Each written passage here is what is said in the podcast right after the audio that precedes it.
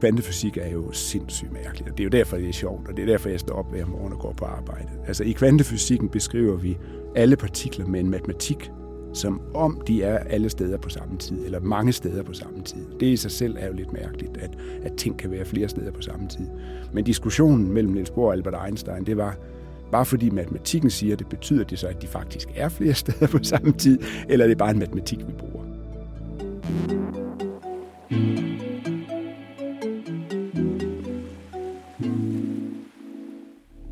Ved du, hvor vilde opdagelser danske forskere går og gør, mens vi andre går på arbejde, til badminton eller i bad?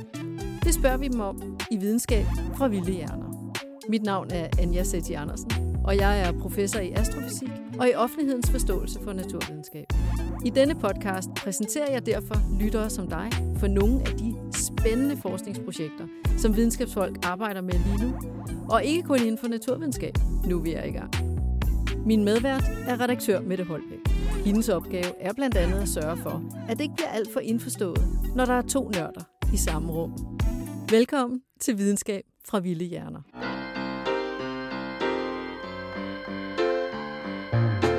I dagens afsnit skal vi møde professor i fysik Claus Møller. Han er kvantefysiker, og han forsker i teorier for måling og i kvantemekanikken, altså hvordan man kan måle forskellige partikler.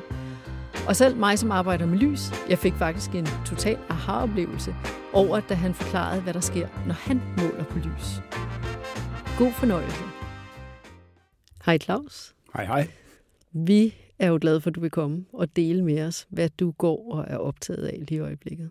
Så hvad, øh, hvad brænder du for? Jeg brænder for, jamen jeg brænder for mange ting. Jeg Men brænder, lige nu? Ja, lige nu brænder jeg for øh, noget kvantefysik, noget forskning, som jeg går og arbejder med, og som måske har nogle praktiske anvendelser i forhold til at få nogle enheder til at tale sammen i, i det, vi kalder kvantecomputer eller kvantekommunikation. Øh, men i virkeligheden er det et, skal vi sige, et grundlæggende fysikproblem, som jeg synes har været fascinerende altid, og som vi simpelthen er nødt til at løse. Og det er sjovt, og, og vi arbejder med studerende og en postdoc, altså en ung gæsteforsker, på at prøve at finde en løsning på det her problem. Og, og vi har fat i den, så, så nu er det rigtig sjovt, fordi nu skal vi bare til at, at arbejde løs. Og når en fysiker siger et problem, så er det ikke det samme som, når jeg har et problem derhjemme. Så hvad er det? Det, det er en tese, det er et spørgsmål? Ja, og i det her konkrete tilfælde, så er det rigtig tit, at vi i fysikken, gennem fysikkens historie, har udviklet nogle nemme løsninger. Nem forklaringsmodel til, hvad er det, der skal til for at forstå, når et atom udsender lys? Hvad er det, der sker, når jeg gør noget ved et, et atom, eller når jeg gør noget ved et molekyle? Og mange gange så opdager vi, at i virkelighedens verden, så er det lidt sværere. Og det er det, jeg kalder et problem, fordi så har jeg jo ikke pludselig den fulde forståelse for det længere. Nu skal jeg selv til at skabe helt fra grunden øh, nogle nye formler, noget ny matematik og en ny metode til at håndtere det her problem, som jeg kalder det. Og, og det her konkrete problem, vi har, det er for eksempel, at i stedet for bare at sige, at et atom udsender en lyspartikel, så skal vi holde meget mere styr på, hvornår i tid kommer den i virkeligheden, den her partikel? Hvad farver gemmer sig i den her lyspartikel? Og det har man haft lidt en tendens til at sige, det, det er det samme fra gang til gang. Altså man er simpelthen sprunget over, hvor gæret var lavest? Man har sprunget over, hvor gæret er lavest, altså er lavest og har sagt, at alle, alle fotoner, alle lyspartikler er ens. Og øh, når jeg snakker med dem, så er det bare det samme, som hvis det var en person, der kom ind ad døren, og så, så snakker jeg meget med den her. Men lige så snart vi begynder at vekselvirke, det er sådan en, en lidt mere præcis måde at sige, snakke med en foton på. Når vi begynder at vekselvirke med dem, så ødelægger vi deres identitet. Øh, en lyspartikel, der rejser hen imod mig, taler jeg først med dens hoved, og så æder jeg mig ned igennem kroppen. Men halen af den er jo ikke ankommet endnu, den kommer først lidt senere. Og den måde, at vi, vi faktisk først opdager de partikler, vi taler med, i takt med, at de kommer ind til os, er svært og, og sjovt. Når du siger, den taler til dig, Altså mener du så, at, at jeg ser den med mine øjne, og min hjerne samler information, eller hvad, hvad er det præcis? Ja, det kunne vi godt sige. Nu, nu øh, enten at jeg og taler med den, det er selvfølgelig noget sludder, men at når partikler i den mikroskopiske verden, de vekselvirker med hinanden, så er det ikke sådan ligesom, at, at vi har to bolde, der bare lige rammer hinanden. De er i virkeligheden beskrevet med det, vi kalder bølger. Især lys er beskrevet med lysbølger, som kan være kilometer lange, og det vil sige, når den kommer bullerne hen imod mig, den her lyspartikel, ja, så er det en kilometer langt objekt. Først møder jeg snuden af den, ikke? og så møder jeg hovedet, så møder jeg halsen af kroppen, og til sidst kommer halen af det her meget lange objekt. Så, så hvornår er det lige, du bliver ramt af en krokodille, for eksempel? Ja, det, det, det er jo det er måske et spørgsmål, det var halen, der gav dig et svirp til sidst, eller det var tænderne, der, der, der ved dig først. Og det betyder, at mange af de fysikmekanismer, vi taler om, der, der skal vi kigge på sådan en, en langstrakt dynamik i stedet for bare at kalde det en kollision, for eksempel. I virkeligheden så beskriver du jo faktisk også meget godt vores fag i det, ikke? fordi at, at fysik jo både er, er jo både den der med at være sådan meget overordnet, ikke? hvor man kan sige, at alle mennesker er en meter høje. Og det kan man faktisk slippe afsted med i alle mulige beregninger. Det er faktisk ikke nogen dårlig antagelse, at alle mennesker er en meter høje.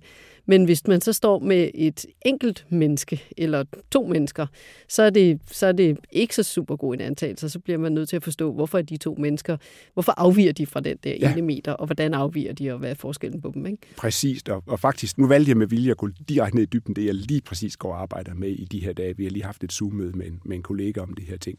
Selvfølgelig er der sådan et overordnet, lidt hurtigere fortalt, lidt mere sexet øh, måde at sige, at vi er ved at bygge en kvantecomputer. Men det her det er jo så en af de ingredienser i den her kvantecomputer. Og det er det, det, jeg beskriver ofte bliver en lille smule teknisk. Og det jeg i virkeligheden også forsøger at forstå, det er alle de ting, der går galt på grund af de her langstrakte vekselvirkninger. Det er meget nemmere at få en kvantecomputer til at virke, hvis alle mennesker var lige store, og hvis alle fotoner var ens. Det faktum, at der er de her forskelle, og de her langstrakte vekselvirkninger, det fører typisk til fejl. Og det er dem, vi skal forstå og selvfølgelig eliminere. Er det her problem, er det noget, du selv har skabt? Altså dig som videnskabsperson, har du valgt, vi, kan ikke, vi kommer ikke videre med udviklingen af den her kvantecomputer, hvis ikke vi bliver mere præcis med det her? Ja. Det er det. Jeg har selv... Så den, det, er, det er din egen skyld, kan man sige, at det, du nu bliver nødt til at finde ud af det Det her. er min egen skyld. Det har jeg selv taget på mig. Og, og, og, og jeg har måske den lidt sjove historie, at det her felt med, med lys, det er et, som jeg kom ind i lidt sent. Det er ikke min oprindelige studiebaggrund. Så derfor er jeg nødt til meget hurtigt at æde øh, skal vi sige, øh, standardbeskrivelserne, da jeg var ung. Og så kunne jeg ikke rigtig forstå det. Så det her det er faktisk noget, jeg har været foruroliget over de sidste 30 år, men tænkt, at alle andre er jo ubekymrede. Så vi må hellere bare buller på og, og følge med og lave alle de her gode ting, som vi skal lave.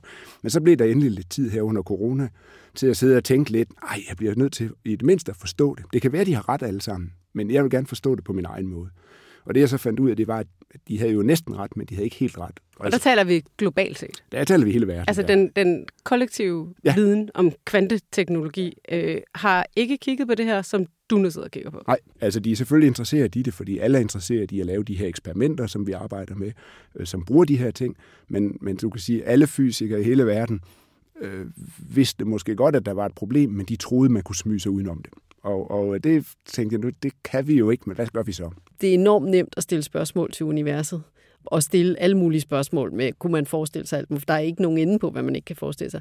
Det, der er svært i forskning, det er jo faktisk at stille et spørgsmål, som man også skal gøre sig håb om at finde et svar på inden ja. for sin egen levetid, kan man sige. Ikke? Det er en rigtig god pointe, og det er selvfølgelig, fordi det her det er blevet et højaktuelt spørgsmål. Det er fordi, vi har tænkt os at bruge de her enkelte fotonpartikler til at flytte data fra en enhed til en anden enhed i en computer, eller mellem to personer, der kommunikerer med de her lyspartikler. Og det, det er noget, vi gør nu, og har gjort inden for de sidste 10 år, og det bliver mere og mere påtrængende, at man faktisk kan gøre det her på en ordentlig måde.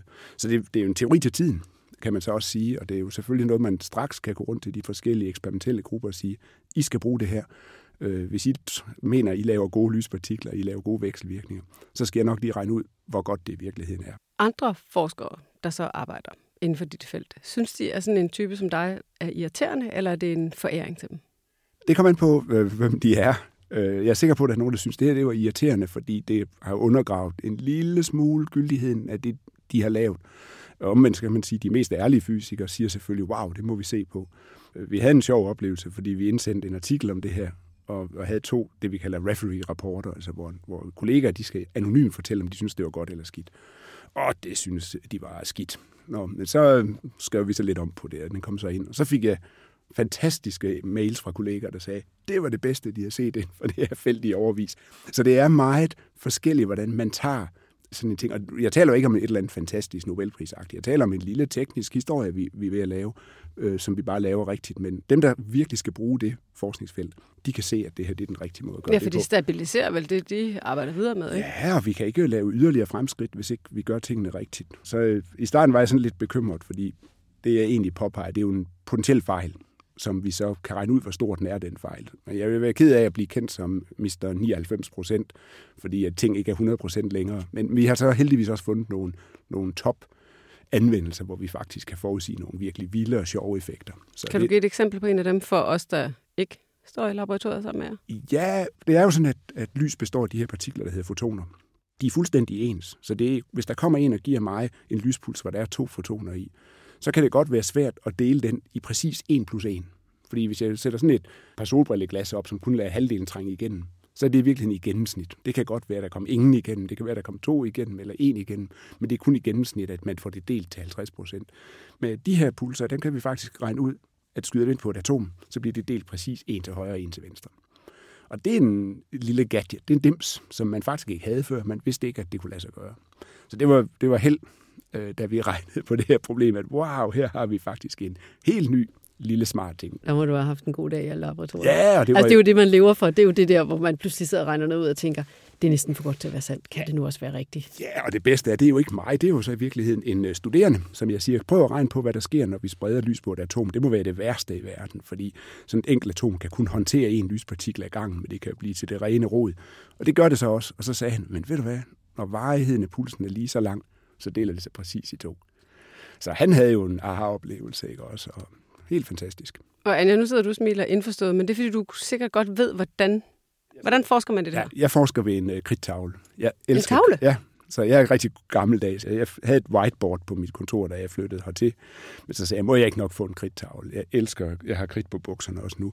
Så jeg tænker bedst med kridt i hånden. Så snakker man med de studerende, og så laver man nogle hurtige skitser, og så siger man, jeg tror, det er sådan her, vi gør skitser det her. Skitser hvad? En mellemting mellem formler og, og så sådan lidt symboler, hvordan det ser ud i laboratoriet. Jeg er jo selv teoretisk fysiker, så for mig så, så er et atom, det er sådan en rund kugle med et par streger i, og så sender jeg en bølgepil hen imod det, det er min lyspartikel, og så står jeg og kigger lidt på det, og så tænker jeg, hmm, højre og venstre, så skriver jeg måske en formel op, der, der skal prøve på at foregribe det her. Men da det der resultat kom med, jamen hvis vi gør lige præcis sådan, så deler den sig i to. Ja. Var du ikke sådan, altså både begejstret, men også skeptisk? Jo. Altså hvor man sådan tænker, ah, det kan ikke passe. Og når man så tænker, okay, vi kan ikke vise, at det er forkert, så må det være rigtigt. Så ja. bliver man bare virkelig euforisk. Altså, jo, det er jo fuldstændig. helt stort. Og, og nu systemet er så, så lille. Det er jo ikke noget, der involverer rigtig mange ukendte faktorer. Vi kender alt. Vi ved godt, vi regner rigtigt. Så, så det, der faktisk har optaget også det sidste år, det er, hvorfor virker det så godt? Fordi det kunne vi faktisk ikke forstå. Vi kunne se, det virkede, men vi kunne ikke forstå, hvorfor. Og det har, det har vi så faktisk lige forstået. Min anden dygtige unge kinesiske kollega, han har også gået og kæmpet med det her i månedsvis, ligesom mig. Og så kom han faktisk lige sidste uge og sagde, nu har jeg forklaring på det. Så det var, der er aha-oplevelser på aha-oplevelser, når man laver forskning. Så nu er der en artikel, der Endnu skal skrives. En artikel. Ja, ja, Endnu nu, en spændende artikel, der ja, skal skrives. Ja. Nu sidder vi og skriver artikler også. Og artikelskrivningen er i virkeligheden det er det, vi gerne vil, fordi vi skal have det ud over stepperne selvfølgelig, men det, det er næsten generende, når man, når man laver forskning af den her karakter, fordi det tager så lang tid at skrive pænt op, og vi har jo haft alt det sjove. Ja. ja, og så får man jo de der referees, som jo ikke kan se lyset lige når de ja. modtager den, og så synes, ah, det tror de ikke på, og så synes de, man skal lave noget om, og sådan noget, og så er man ret træt af det, fordi man er i gang med noget andet. Og sådan Præcis, noget, ja. Altså, når man opdager noget nyt, så er det jo enormt vigtigt, at man skriver en forskningsartikel, som bliver publiceret i et videnskabeligt tidsskrift, fordi ellers så har man jo ikke vidensdelt. Og, og hvis man ikke vidensdeler, så ved de andre jo ikke, at verden hænger sådan sammen. Så det er en enormt vigtigt, det er jo ligesom at skrive manualer og dokumentere, hvad man laver. Så det er jo ikke den sjoveste del af det, vi laver, for det sjoveste er jo at finde ud af det. Men det er den vigtigste del af virkeligheden og vidensdel, fordi hvis det kun er inde i hovedet på mig, og de andre ikke ved, at jeg har tænkt det, så går det jo tabt for menneskeheden, kan man sige. Så det er utrolig vigtigt. Fordi det jo er nye idéer, så skriver man jo ned, hvad man, hvad man tror, verden hænger sammen. Og så sender man det ind til det der tidsskrift, og så er der nogle af ens kollegaer, der bliver bedt om at være referees, altså bedømmer af det, man har lavet. Og så læser de artiklen, og så vurderer de, synes de, det giver mening? Altså er det dokumenteret ordentligt? Er det selvkonsistent i den måde, det er beskrevet på? Vil andre kunne øh, gøre det efter? Altså er der alle de ligninger, der skal være? Og hvis de så synes, at det er godt, og det sker næsten aldrig, så får man bare at vide, det er super, det publicerer vi bare. Men, øh, men de skal jo også vise, at de har været vågne. Og ingen er jo perfekte, så det er jo altid sådan et eller andet med, at de synes, man skal lave en figur om, eller at de kan være virkelig sure og synes, at det hele er håbløst. Ikke? Og så, så bliver man meget træt, og så bliver man jo nødt til at skrive det om, fordi ud skal det jo. Altså, jeg har selv en artikel, der nærmest var to år undervejs, inden den blev publiceret, ikke? og så, så er man meget træt af den, når den kommer ud. Når så man har fået publiceret en videnskabelig artikel med det, som man er nået frem til, så er det out there. Så er det nærmest som et patent. Ikke? Altså, så er jeres navn på det, jo. I har øh, fundet frem til, og fordi det er blevet trygt, så er det allerede blevet vurderet af fagfælder, og derfor kan jeg, altså ude i samfundet, antage, at det er sandheden, som vi kender den nu. Ja, indtil der er nogle andre, der laver en anden artikel, hvor de så viser, at den artikel er forkert. Så er det den nye artikel, kan man sige, med den nye erkendelse. Det skal også siges, at, at mere og mere publicerer vi også på det, der hedder offentlige arkiver, hvor vi ikke har den her øh, fagfældebedømmelse. Det er typisk et sted, hvor vi lægger artiklen, samtidig med, at vi sender den til et tidsskrift. Og når det så senere bliver optaget i et tidsskrift, så opdaterer man over på den her database, at nu er den også optaget. Og jeg skal indrømme, jeg læser databasen hver dag. Jeg læser ikke øh, tidsskrifter længere øh, fordi der kommer alle tingene, som er relevante for mig, og jeg kan nok selv nogenlunde sortere, om jeg har tillid til den forskningsgruppe. Og så får jeg det et halvt til et helt år i forvejen. Ja, det er det, så kommer det hurtigere ud. Ikke? Ja. Og, og i virkeligheden, så er systemet sådan, så jeg tror, at sådan groft set i hvert fald 90 procent af det, der vil det være sådan, at de gode idéer, de bliver båret videre, og de dårlige idéer, de de falder til bunds på en eller anden måde. Ikke? Og så kan der godt være en eller anden genial idé, som ingen på, lige på det tidspunkt opdager genial, men så bliver den som regel hævet frem senere. Ikke? Altså, der er jo rigtig meget forskning, som da det kom ud, så gik der mange år, inden at man fandt ud af, at det faktisk havde en anvendelse, og så bliver det jo ligesom hævet op, og så kan der være en artikel, som, som har fået meget få citationer i 20 eller 50 år, og pludselig bliver fuldstændig helt vildt citeret, fordi nu er verden der, hvor man tænker, hov, det var lige den brik, vi manglede. Ikke? Altså sidste års Nobelpris i fysik blev givet for noget, der hedder asbestforsøg i folkemåne, men altså der var tre øh, forskere, der fik den. I virkeligheden et paradoks, som Einstein satte op i 1935. En berømt artikel, den bliver citeret 600-700 gange om året. Det gjorde den ikke de første 30 år af sin levetid. Der blev den øh, nogle år slet ikke citeret, eller måske en eller to gange. Så det er noget med, at et felt det modner, og hvis man er heldig, så bliver det så opdaget, at der var et tidligere arbejde. Nogle gange bliver det ikke opdaget. Man har lige opdaget, at Madame Wu, berømte øh, kinesiske øh, kvindelig kvindelige forsker, meget, meget berømt for partikelfysik, faktisk lavede det her berømte ASB-forsøg. Og det har jeg ikke hørt om faktisk før i år.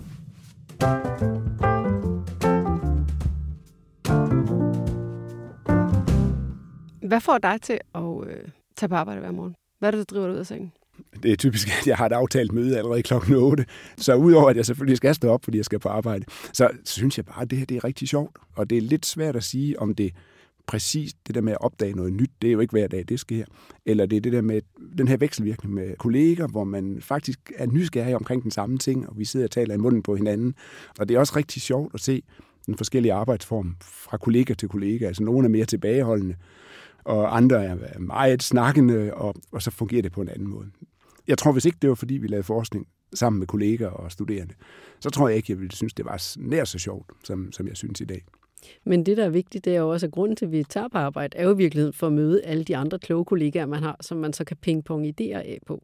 Fordi det er jo noget af det sjoveste ved at gå på arbejde. Det er jo i virkeligheden det der med, at man står og battler idéer nærmest øh, ja. af på hinanden, og prøver at, at blive klogere på noget. Hvor kommer den der sådan, uh, kliché om, at en forsker, ligesom en forfatter eller en kunstner, sidder og laver tingene som individ? Øh, ikke på et lønkammer, men nede i et laboratorium eller ude i sit sommerhus i Asserbo Plantage? Jeg tror, dels den kommer fra et portræt, som nok i virkeligheden er forkert, men af de der enere. Altså, vi hører om Albert Einstein, Genier. vi hører om Niels Bohr, genierne. Nogen har været, skal vi sige, mere indelukket. Folk som Isaac Newton og en, en fysiker, Paul Dirac, var, var, skal vi sige, var ikke så gode til det sociale, måske.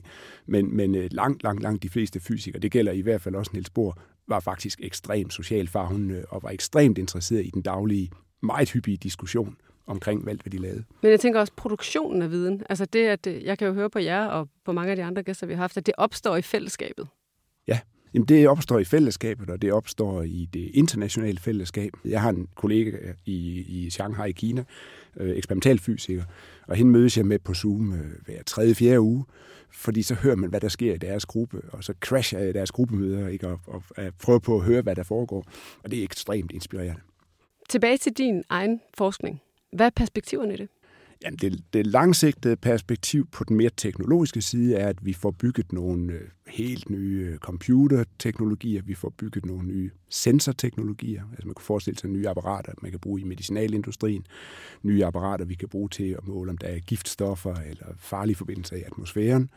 Øh, vi laver også ultrapræcise målinger, som vores øh, fysikkollegaer er interesseret i. Man måler det, der hedder gravitationsbølger. Det er i virkeligheden astronomiske hændelser, der sker uendelig langt væk, som får spejle, der hænger i klaverstrengen nede på jorden til at svinge en lille bitte smule. Og det kan vi måle i virkeligheden med kvantefysiske metoder, fordi grænsen for vores målsikkerhed ligger i kvantemekanikken. Det er sådan, at de her spejle de flytter sig cirka en tusinddel af en atomkerne. Øh, så det skal man være meget god for. Det er konkrete spejle, der Det er konkrete konkret 40 kilo tunge spejle, der hænger Anja, du ser ud som om, at dem bruger du også til noget. Ja, ja, ja det er jo LIGO-eksperiment. Det er LIGO i USA. Og, og i USA. Og, ja, og rundt omkring i verden ja. efterhånden. Og det er bare et eksempel. Så det at lave kvantefysik i dag, fordi vi er blevet så dygtige teknologiske, så begynder det pludselig at være teknologier, som, som vi faktisk kan måske bygge en computer af i morgen, og vi kan måske bruge et, et, lave lyslederkabler, der sender enkelte lyspartikler. Det er spændende. Filosofien i det, du arbejder med, hvordan vil du beskrive den kort? En, en fagfilosof vil jo nok sige, at det her det er slet ikke filosofi, men det, men det er et spørgsmål om, hvad er virkeligheden? Hvad, hvad, hvad, hvad er rigtigt? Er der, når vi beskriver et fænomen, i hvor høj grad er det så det rigtige fænomen, vi beskriver, eller er det bare min opfattelse? Står det her glas foran mig, eller er det kun noget, jeg forestiller mig?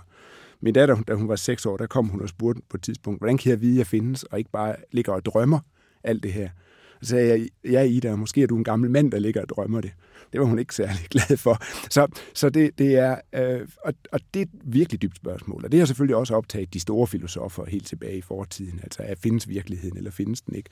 Og i, i kvantefysikken, der er det så fantastisk, at de ting, vi ved findes, det er så håndgribeligt. Vi taler om et atom, vi kan måle det på alle mulige måder. Alligevel er vi nødt til at forholde os til, at dets eksistens ikke er virkelig ud over den virkelighed, vi selv erkender, når vi kigger på det. Altså en, en grundlæggende ting, rent teknisk i, i kvantemekanikken, det er, at de egenskaber, jeg måler, de findes kun i og med, at jeg måler dem. Og det er ikke sådan, at en partikel har været på det sted, hvor jeg ender med at se den. Så det er først i det øjeblik, jeg ser, at den er der, at den faktisk er der. Jeg kan ikke engang hypotetisk tale om, at den var der, før jeg kiggede på den. Det har taget fysikerne årtier at slås med det og forstå det. Det er en konsekvens af formalismen, men så kunne formalismen jo være forkert. Einstein foreslog, at okay, formlerne mangler bare nogle ekstra formler, der siger, hvor de her partikler så i virkeligheden er. Øh, men det er så modbevist også eksperimentelt. Kvantefysik er jo sindssygt mærkeligt, og det er jo derfor, det er sjovt, og det er derfor, jeg står op hver morgen og går på arbejde. Altså i kvantefysikken beskriver vi alle partikler med en matematik, som om de er alle steder på samme tid, eller mange steder på samme tid. Det i sig selv er jo lidt mærkeligt, at, at ting kan være flere steder på samme tid. Men diskussionen mellem Niels Bohr og Albert Einstein, det var, bare fordi matematikken siger det, betyder det så, at de faktisk er flere steder på samme tid, eller er det bare en matematik, vi bruger? Og Bohrs fortolkning af kvantemekanikken, det er, at alle de formler, vi bruger, og alle de fantastiske ting, som jeg som teoretiker regner ud, det er i virkeligheden ikke det, der sker i den mikroskopiske fysiske verden, men det er min viden, der er skrevet op med de formler. Alt, hvad vi sker, når vi laver målinger, er tilfældigt, men min viden gør, at jeg kan regne sandsynligheden ud. Jeg ved ikke, om det bliver plat eller krone, men jeg ved, det er 50% chance for hver. Og nede i kvantefysikken ved jeg heller ikke, hvad man måler, men jeg ved, at der er en sandsynlighed. Og nogle gange prøver jeg at få den til at være 100%. Det er, når jeg skal bygge en kvantecomputer, der virker. Men det er et grundlæggende mærkeligt spørgsmål. Det betyder jo for eksempel, at Einstein var meget utilfreds, fordi kvantefysikken er ikke en teori om fysikken, som den er, men forbruger i hvert fald en teori for, hvad jeg ved om den mikroskopiske verden. Og Einstein spurgte jo så, hvad sker der så i virkeligheden i den mikroskopiske verden? Og det var Bohr helt ligeglad med, det siger han direkte selv. Det er jo også sådan, altså historien på for eksempel Københavns Universitet, det var jo før 1850, der lå fysik faktisk på øh, fakultetet for filosofi. Øh, fordi at, at det gjorde alt naturvidenskab, fordi det var jo naturfilosofi, og det kunne jo ikke rigtig bruges til noget. Så det var ligesom først der i Fordi 1850. det bare var forestillinger, eller hvad? Ja, fordi det jo sådan meget var i høj grad, man sad og tænkte lidt over, hvordan verden hang sammen. Og så begyndte man jo at måle lidt mere på det, ikke? og så fandt man jo ud af, at det, det kunne noget. Det, altså der, hvor jeg synes, kvantemekanik var svært, da man lærte det som studerende, det var jo det der med, at man ligesom skulle sluge, at enten kan man beskrive partikler som partikler, eller som bølger. Og hvor jeg sådan sad som studerende og tænkte, altså det er jo bare fordi, de ikke har ordentligt styr på det. At, ja. at, at, at de har to lige gode eller lige dårlige beskrivelser. Men, men er det lidt naivt at Nej, tænke det? det? men det er meget rigtigt. Og man kan sige, at løsningen på det der, det er, og det er så Bors løsning, så nu findes der folk, der mener noget andet. Ikke? Men Bors løsning er, at, at bølgebeskrivelsen, lige så vel som partikelbeskrivelsen, de beskriver øh, forskellige typer erfaringer, man kan have omkring det her fænomen. Og hvis man, øh, hvis man bruger en bølgebeskrivelse, så ved man jo ikke, hvor den her partikel er, fordi bølger er jo udstrakte. Øh, og så fortæller bølgen kun noget om, hvor sandsynligt det er, at man vil se den det ene eller det andet sted. Og så er det, du siger, hmm, jamen, når jeg ikke præcis ved, hvor den er, så ikke bare fordi jeg ikke ved det, den må da være et eller andet sted, den partikel. Men, men det er så ikke rigtigt. Vi kan faktisk ikke tillægge den den virkelighed. Og, og, øh, og det, det er lidt fascinerende. Øh. Det slår jo en smuk sløjfe til det, du startede med, med at fotonet ankommer over tid. Eller hvad? Eller ja. er det noget helt andet? Nej, det er præcis det samme. Altså, det er, det er, jamen, det er fantastisk at gå på arbejde hver dag. Jeg vil gerne slutte på din datter Ida, ja. som jeg håber er blevet voksen nu. øhm, så der, hvor du er nået til, fra da du startede din forskerkarriere, der, hvor du er nu, kan du give hende et bedre svar? Findes hun virkelig? Jamen, jeg taler jo ud fra min egen erfaring, så det gør hun selvfølgelig. Øh, fordi det er, det er virkeligheden, det er den, jeg ser. Og det er jo virkelig et dejligt svar. Vi skal bare tro på det, vi ser, og det, vi føler, og det, vi mærker. Det er virkeligheden. Tusind tak. Du har lyttet til Videnskab fra Vilde Hjerner.